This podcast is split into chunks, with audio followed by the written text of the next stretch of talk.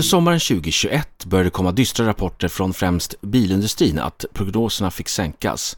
Orsaken sades vara problem med leverans av halvledare. Ja, denna lilla tekniska komponent som i dagligt tal vi kan kalla datorchip blev plötsligt ett eskalerande problem. Ja, rättare sagt bristen på det. Och för att förklara bakgrunden till detta så behöver vi ta oss till Sydostasien och storpolitiska konflikter och tyfoner. Okej, ja, kanske inte riktigt IT-säkerhet i detta avsnitt, mer än att vi som arbetar med det eh, drabbas av förseningar och långa leveranstider. Du eh, lyssnar på IT-säkerhetspodden som presenteras i samarbete med Nordlo. Jag heter Mattias Jadesköld och den som normalt sett brukar vänta på leveranser av teknikprylar heter Erik Salitis. Ja, här är jag. Jag har allting vi behöver för att kunna göra inspelningen. Visst är det nice? Ja, bra. Du köpte allting innan eh, halvledarkrisen. Ja, men du vet att ja, den här halvledarkrisen har man ju pratat en del om. Men redan för ett år sedan så var det ju covidkrisen och då var det svårt att få tag i delar för det var svårt att skeppa släppa sakerna så det har varit lite grann ett elände. Och mycket av de här apparaterna och grejerna har man fått vänta veckor på. Nu senast så var det ju en Apple iPad och den, den skulle ju komma. Den, det är sådana grejer som bara ligger på hyllan normalt. Just det. Den tror jag fick vänta en månad på faktiskt. Just det. Apple har ju avtal med en stor fabrik i Taiwan då, som vi kommer komma in på lite senare. Finns ju nära koppling till teknik givetvis med handledare och sådana saker, men även i miljö är en stor faktor. Ja. Väldigt intressant. Du, jag tänkte att vi ska landa lite i begrepp här snart, men ja. som vanligt Erik, hur är läget?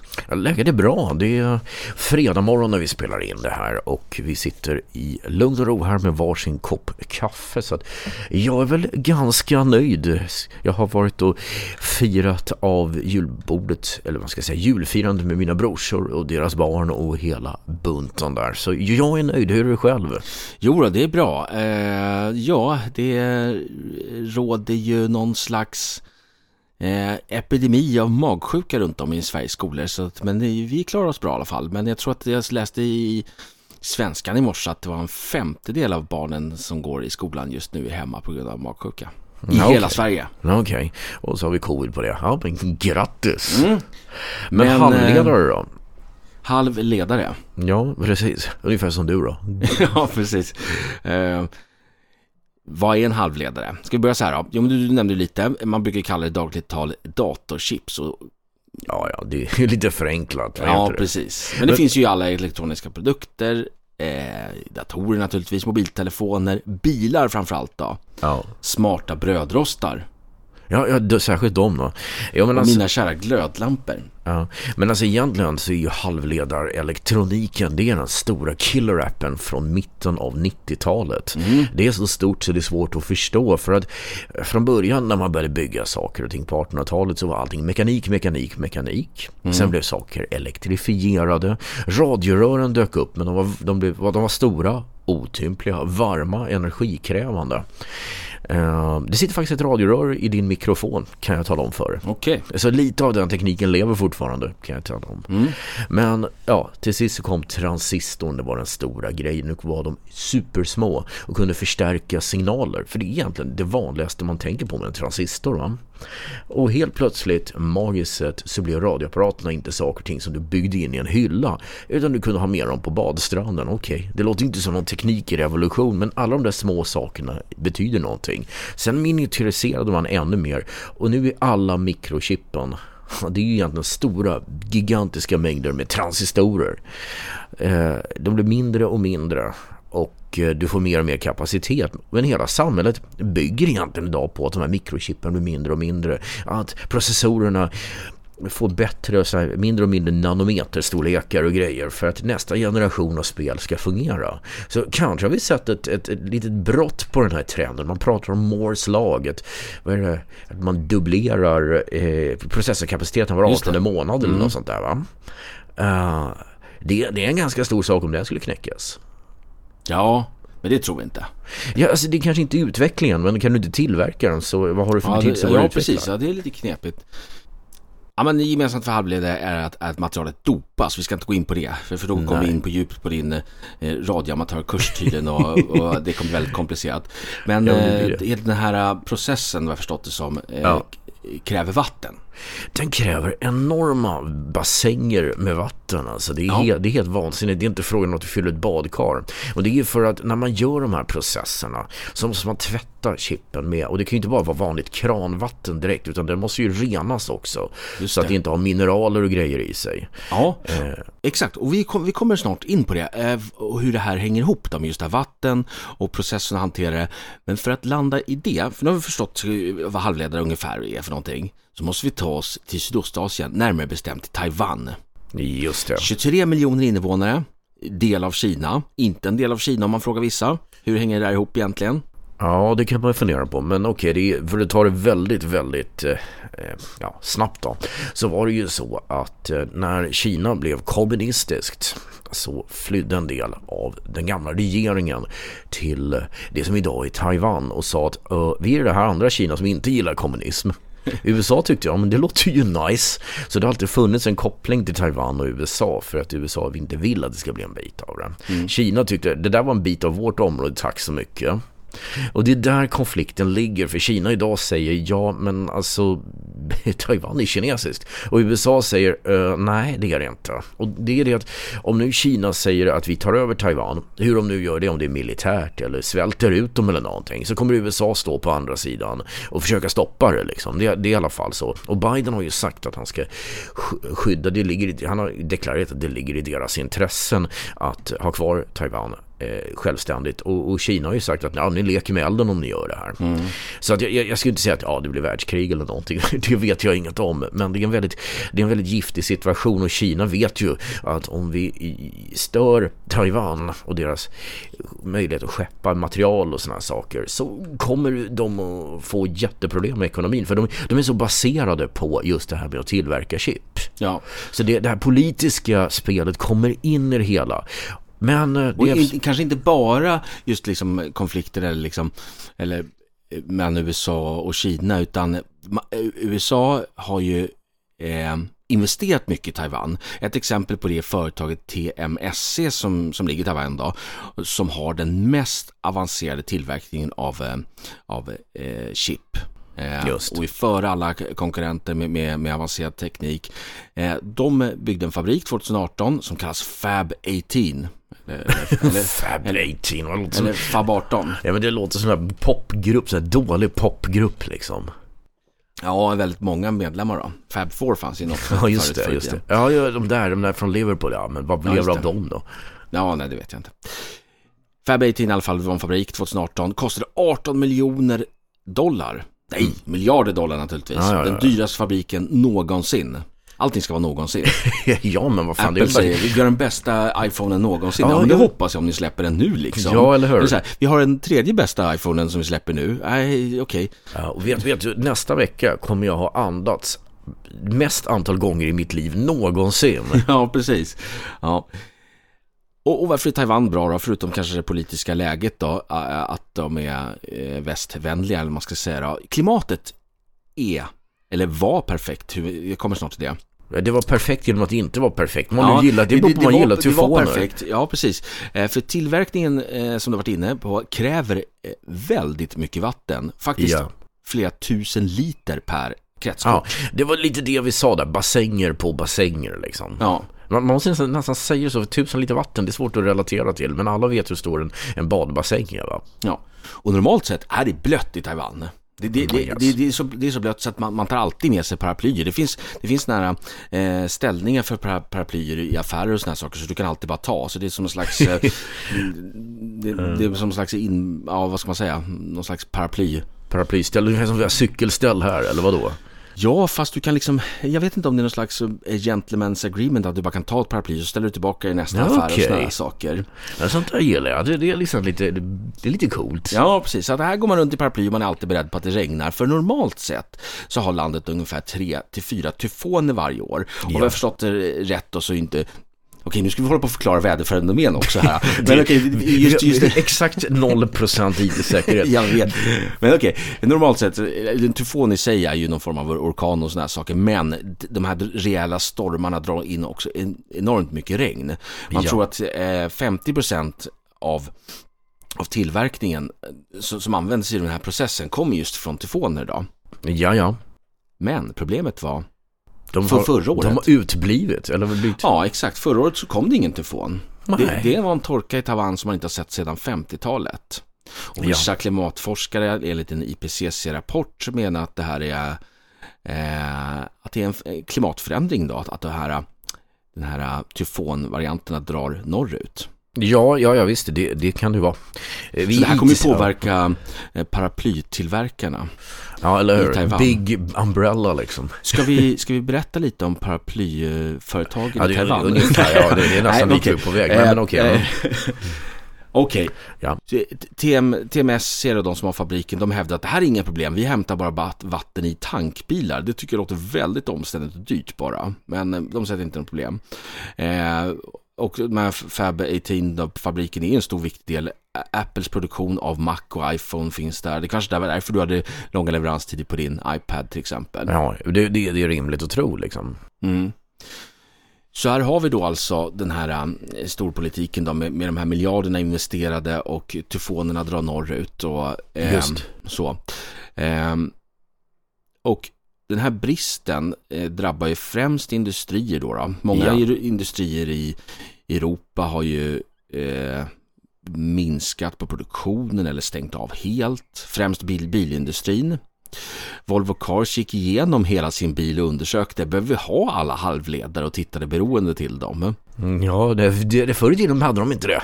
Nej. Men, men okej, då kanske de andra sidan inte var så bra heller. Jag ser framför mig någon chef som går runt där, den där halvledaren där, behöver vi ha den? Kan klippa bort Sliter den? ut den, ja okej, nu slocknar lamporna. Ja. Eh, nej, Ja, men, men de, de, tittade helt enkelt hur de kunde dra ner på det. Ja, precis. Minska beroendet på det. Men eh, okej, ja, här måste jag ändå säga lite grann som retrodatornörd när det gäller hur de där elektroniken ser ut. Jag ska inte bli alltför teknisk, men om du öppnar en gammal dator från 80-talet, 90-talet eller någonting, tidigt 90-tal vill jag säga, så är komponenterna förvånansvärt stora. Chippen är förvånansvärt lätta att lokalisera och tala om. Här har vi ljudchippet, här har vi det och det och mycket av dem är socklade också. Går in och tittar i en modern dator, särskilt en bärbar, så är allting så miniaturiserat att det är, liksom, det är en del saker som är svårt att se. Du, du ser att de finns där naturligtvis, det är inte det jag säger. Men, men ingenting skulle, skulle någonsin komma på idén att sockla dem så man kan rycka ur dem och sätta i dem igen. Utan allting är ytmonterat. Och det här gör ju det att, eh, det, det kanske är så att på, på 90-talet såg man att man började bygga såna här så kallade glue chip. Och det var alltså frågan om att du tar de här, du har fem olika chipkretsar. Nu har du byggt ett enda chip som innehåller alla de här fem chippens kapaciteter. Och så, det var ju så det började liksom. Och då är det bara, ja det, det det är det där chippet. Och idag, en del elektronik, den har ett enda chip som gör allt. Och det är liksom, ja, hur byter du ut det? Ja, du byter ut mot ett likadant. Det är liksom, du kan inte bara, ja fan det är lite brist på de här delarna så vi tar den här och byter ut till den. Det är liksom, ja, ja, det är just det där chippet. Ja, ma- man gör ju inte så längre i, i dagens utan teknikprylar förväntas leva ungefär i, i tre år, sen ska det bytas ut liksom. Det är ju Ja, inte så att man lämnar in sin dator på och byter ut chip. nej, nej, nej, men förr i tiden var det ju så. Du sa, du, du, hade ju det som kallas för firmware. Firm betyder ju hård. Och det betyder, det gick inte att förändra. Idag när vi pratar firmware så kan du uppdatera mjukvarumässigt. Alltså det är ju fel rent ordmässigt vad det betyder. det det var verkligen så här, ja jag ska ha den nya Kickstart 3.1. Ja då rycker man ur den gamla så trycker man in den andra i socken liksom. Och allt det här gör ju att vi är jättemycket mer beroende av eh, de här chiptillverkarna och att det hela tiden kommer ut nya saker. Och, ja, du vet om elektroniken går sönder till exempel i din diskmaskin. Förr i tiden kunde man säga, ja men jag ska bara plocka ut PLC XYZ där och trycka in en ny. Nu är det bara, ja jag rycker ur den här, skickar in den och så får vi ett nytt moderkort. Så hela moderkortet kasseras. Ja, precis. Och det, det är du, du vet ju, det är många jävla banor och det är flera lager och grejer. De där är väldigt komplicerade och man bara kastar dem. Man kan inte återanvända det på något sätt. Jo, alltså ja, man kan återvinna det förmodligen, men återanvända? Nej, det, Nej. tr- det tror jag inte. Det är klart, tekniskt sett, det går ju fortfarande att löda loss de här ytmonterade grejerna, men det är ganska svårt. Och det är frågan om de faktiskt värderar det. Det, det är möjligt. kostar det mer. Det kan vara så. Det, det är möjligt att de i vissa lägen faktiskt kan göra det, men då får man kolla med det fir den firman om de har den processen. Liksom. Ja. Så egentligen det är ganska märkligt alltså, hur vi är så beroende av det. Och jag menar IT-säkerhetsvinkeln här måste ju vara det faktum att även våra brandväggar och sådana här saker, om någonting går sönder Uh, det är så här, ja, om det är brist på det så, så din huvudbrandvägg stack uh, och du, du har ingen, ingen vad heter det, uh, den är, den är inte balanserad eller någonting. Så där, nu är du utan internet. Och nästa sak du kan köpa, nästa Cisco eller Juniper eller vad det är, ja den är halvår bort. Mm. Och det är inte riktigt så idag. Men förstå vad det kommer att leda till. För helt plötsligt så är ett väldigt bra sätt att ta någon av nätet det är ju att förstöra någonting för dem. Och de kan inte fixa, det går inte att byta ut. Nej, precis. Och eh, ja, men givetvis liksom eh, inte bara IT-säkerhetsbranschen utan även IT, all typ av tekn teknologi eh, ja. blir stannat. Jag märker det också eh, att eh, det är långa leveranstider på, på saker och ting.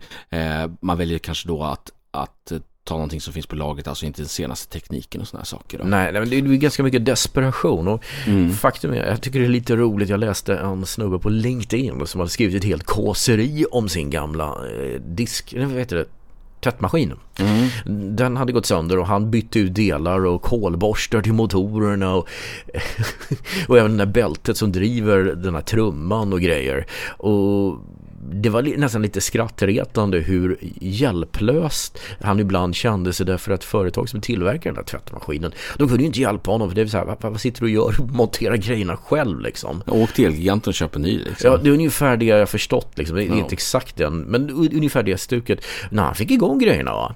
Eh, och jag är stört imponerad, men jag tänker så här, hade det där varit att elektroniken i den där var trasig, då hade den bara varit en stor hög med skrot. Ja. Farsan brukade skämta och säga att förr i tiden så, så kunde man liksom reparera bilarna. Om bilen gick sönder så kunde man låna strumpebandet från, från frugan och fixa motorn och ja, sådana grejer. Det, det så här, vi lever inte de tiderna. Ja, nu handlar det om att eh, uppgradera firmwaren kanske i bilen och sådana här saker. Ja. Vår, min bil har patchats.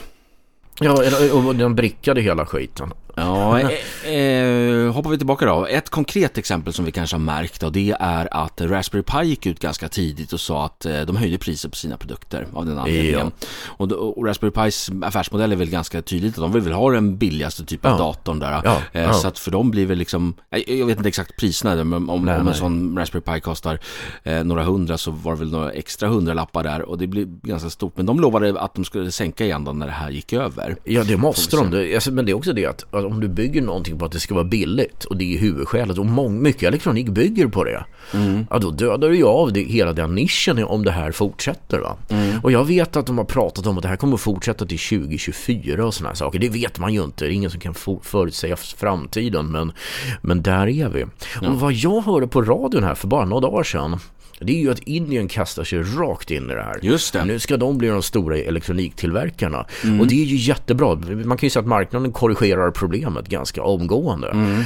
Uh, så det, det, det, finns ju hopp och lösningar där. Men vad det innebär för Indiens placering. Låt oss säga att det här lyckas och de blir den nya elektroniktillverkaren där allting tillverkas i Indien.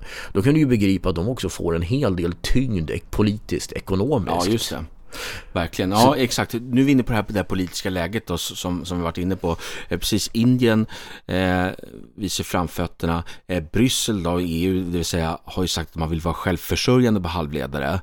Eh, jag, jag, tycker det är så jättekonstigt. Jag, menar, ja. jag, jag läste i, i det här att, att någon, någon, person från EU som representerade EU kommenterade att ja, du vet Kina, de eh, de tar över alla resurser, alla våra resurser eller något sånt där sa de. Ja. Tänkte, vadå våra? Jag antar att han menar planetens resurser eller något sånt där. Men fasen, Kina lär väl knappast liksom ta över alla världens elektronikgrejer. Eller, eller gör de det?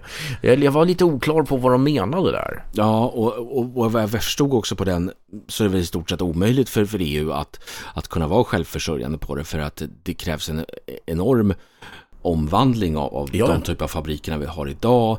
Ja. Eh, och eh, det skulle kosta enormt peng, mycket pengar och kanske bli omöjligt i, i framtiden. Då. Alltså, ingenting är omöjligt, men finns inte pengar så finns inte någon möjlighet. Och sen är det ju också det, du plöjer ner enorma pengar. Skulle det här börja justeras, vi säger EU trycker ner massor av pengar. Någonstans i Sydtyskland bygger upp värsta fabriken mm. och den här kostar miljarders miljarders. Ja, och sen har Indien gjort samma sak. Taiwankrisen kanske löser sig. Och då står de där bara, jaha. överkapacitet mm. någon. Det, det, är det som är problemet va. Det är, det är en stor risktagande. Men, men okej, det är svårt att säga vad man kan göra om det. Ja, man kan ju tänka sig på sikt då liksom om, om Apple har till exempel har problem att leverera men kanske inte Huawei. Och så tänker man vanlig konsument då, ja men eh, då köper man det istället. Ja. Mobil som mobil ungefär. Ja. Och det här kan ju göra enorma grejer. Men, men som sagt den enda IT-säkerhetsvinkeln jag ser på det här det är ju det faktum att alla typer av datacenter blir väldigt känsliga för att den fysiska hårdvaran förstörs. Mm. det, jag, jag, ser det som en sån här potentiell attackväg. Sen vet inte jag hur smart de där hackarna är. Jag tänkte att nästa ransomware börjar förstöra firmware de är ju inte så firm längre. Men, men tänk så här, att, att, om du pajar det som förr i tiden kallas BIOS, den här UEFI-historien där, då startar ju inte servern upp. Ja, uh, eller man vänder på det, att nästa terrorattack är en kombinerad fysisk attack med en cyberattack. Ja, ja. Alltså, ja, ja, ja, det kan det ju naturligtvis vara. Det är, det är ingen dum grej. Jag ser inte riktigt bara halvledarvinkeln här på det. Utan jag menar bara att det blir dyrt och svårt att ut, byta ut de här grejerna. Så om du har sönder ett datacenter och samtidigt stoppar införsel av nya dataprylar. Då kan du ju hålla ett helt lands eh, kapacitet nere och sådär. Ja, det kan bli ganska känsligt eh, eh, på det sättet kan jag tänka mig att ja, många kanske har har liksom, är beroende av, av stora molnleverantörer och sådana saker och om de eh, måste köpa in eh, miljontals eh, datorkomponenter så blir det helt plötsligt högre pris på det. Ja, då sitter man ju för lite fast där. Ja, och det gör ju att vissa regioner kanske får svårt att konkurrera med andra. Ja, alltså det, det är som att man brukar ju snacka om the butterfly effekt. Om en fjäril viftar lite på vingarna nere i Australien så blir det en storm i Kalifornien. Mm. Inte för att de skulle märka någon skillnad, men min poäng är i alla fall att uh, det, små effekter kan få enorma eh, konsekvenser. Va? Och här är det inte små saker. Nej, en utebliven tyfon, eller några uteblivna tyfoner kan rita om hela ja, eh, ja. säkerhetspolitiska och det, det, känns inte riktigt som en fjäril liksom. Det känns inte som någonting litet. Det känns som det är mycket mer. Jag menar framförallt så kanske, kanske undergången för paraplytillverkarna leder till en ny istid. Varför inte konstigare saker har hänt? Ja, precis. Men eh, det var lite, det var ganska mycket artiklar om det här strax efter sommaren runt september ja. eller någonting. Men det har varit lite tyst på sista tiden då. Ja, men det är väl det att, att det, det, här nyhetsögat så att säga som tittar ja. ut över världen tittar ju bara på det som händer just nu. Så det, det finns ju massor med saker som pågår och sen plötsligt, ah, har det här på i så här lång tid? Ja, och folk glömmer ja, för, det. För, för, eh, vi lever ju fortfarande i den här halvledarkrisen och vi ser väl inte riktigt något ljus i det på något sätt. Då. Nej, Nej lite grann, om jag får gå tillbaka till den här politiska spänningen mellan USA och Kina. Det är liksom, nu är inte det riktigt halvledarkopplat, men för några år sedan så gjorde ju Trump så att de satte in sanktioner mot Kina. Mm, och Kina svarade in kind så att säga. Och sådana här saker skulle ju kunna hända nu också. Uh, och det leder ju i så fall till att den här krisen om möjligt förvärras. Liksom. Det här är inte en fråga om att Kina bråkar med Taiwan eller någonting. Utan det här är en fråga om att, att det, det blir stora sanktioner. Och, och, vad skulle EU kunna tänkas göra? Ja, jag vet inte. Ja, exakt, det, det, det, finns ju också en intressant artikel jag läste om det om, om eh, Sydkorea som, som är avancerad på teknik med bland annat Samsung. Eh, de har ju, har ju varit lite fiende med, Kina så, men nu är väl de helt plötsligt beroende av, eh, av, av, samma sak som USA, så nu börjar de samarbeta mm. med Kina, så att det här kan rita om ja. det det kan rita om hela kartan. Ja. Mm. Jag brukar tycka att framtiden bäst ses i det förgångna. Men jag tror att det är väldigt svårt att hitta någonting historiskt som verkligen kan tala om vart det här kommer att leda. Det, det jag skulle säga, och det här är rena gissningar, är att vi kommer att ha en ganska svår period några år. Någonstans fram till kanske 2024, 26 så kommer det här få efterverkningar. För låt oss säga att alla de här problemen löste sig och alla går hem och tar sina leksaker och stridsfartyg och åker hem och tillverkar elektronik. Make electronics, not ja. war. Um, det kommer fortfarande ta ta att komma ikapp liksom. Och sen är det då, då att om den här krisen fördjupas mm. då kanske säger, Apple säger ja men vi kan inte släppa någonting nytt för vi, vi kan ändå inte tillverka dem i tillräckliga storlekar. Mm. Och det är mm. inte bara Apple, det är ju alla som tillverkar elektronik. Vi ska ja. inte bara peka ut dem på något sätt. Nej, nej. Eh, och det betyder ju då att vi, stopp, vi, vi får ju ett stopp på hela den här utvecklingen. Vi har ju egentligen åkt på en räkmacka eller vad man ska säga liksom genom de senaste 20-30 åren med bara mer och mer grejer. Varje ny säsong så är det en ny större tv. Ballare, coolare surfplatta, häftigare dator, mer spelgrejer. Nvidia ATI kommer ut med ännu mer sifferkombinationer 2030, 2060 ja. och det ena och det andra. Ryzen och grejer. Hela den här grejen kan ju stanna av va? Men det kan ju leda till något positivt kanske då? Ja, vadå? Att man blir lite mera eftertänksam med allt man köper. Okej, okay, det bör, just det, vad hette han då? Det, det fanns ju en, jag tror han är död en filosof som är mest känd för att han drog i nödbromsen på ett, ett eh, tåg 2000, vad heter det, vagn 2000. Ja. Eh, och sen när, när de undrar, vad har hänt då? Nej, samhället går för fort, tyckte han. han hade exakt den här typen, han snackade när Bredbandsbolaget var populärt i början av 2000-talet, va? Med, med han Bredbands-Jesus. Ja, ja, Birger. Just det, just det, just det. Mm. Uh, då sa han så här, då, då startade han något han kallade för djupbandsbolaget. Vi ska skapa djupa band. ja, det kanske, det, det, kanske, det, det, kanske, kanske hans, det är kanske hans filosofi där som får någon renässans liksom. Ja, det är inte omöjligt. Men, var det någonting mer du funderade på? Ja, jag tänkte faktiskt när för framtiden så tänkte jag faktiskt eh, hur vår framtid ser ut. Alltså, nej, ta det lugnt, vi, vi är kvar. Men mm. vi kan väl ta lite ledigt ett tag. Lite jul får man ju ta också. Ja, det tar vi ju julledigt, ja, precis. Eh, om det här blir sista avsnittet innan eh, eh ledigheterna Jo, det, det lär det, det, lär det nog bli, ja. Det bli. ja. För det är, att... det är onödigt att släppa någonting på söndag för då sitter alla och, och, och jäser efter julmaten. Så det, vi får nog höras efter... Ja, så det blir inget nyårsavsnitt. För då, det, det, nej, det, det kanske inte är värt det. Jag, jag vet inte. Jag kanske skriver något roligt blogginlägg istället. Kanske det. Så vi lär vara tillbaka någon gång. Skulle vi kunna tippa runt andra veckan i januari? Det är inte omöjligt. Det är inte omöjligt. Låt inte så förtroendegivande. Eh, vi, vi får se om vi orkar komma till, tillbaka. Vi ska tillreda en uh, utredning om det. Ja, precis. Tack så mycket. Ha det bra. Ja, just det. Gott nytt år, god jul och 2021. Bye bye.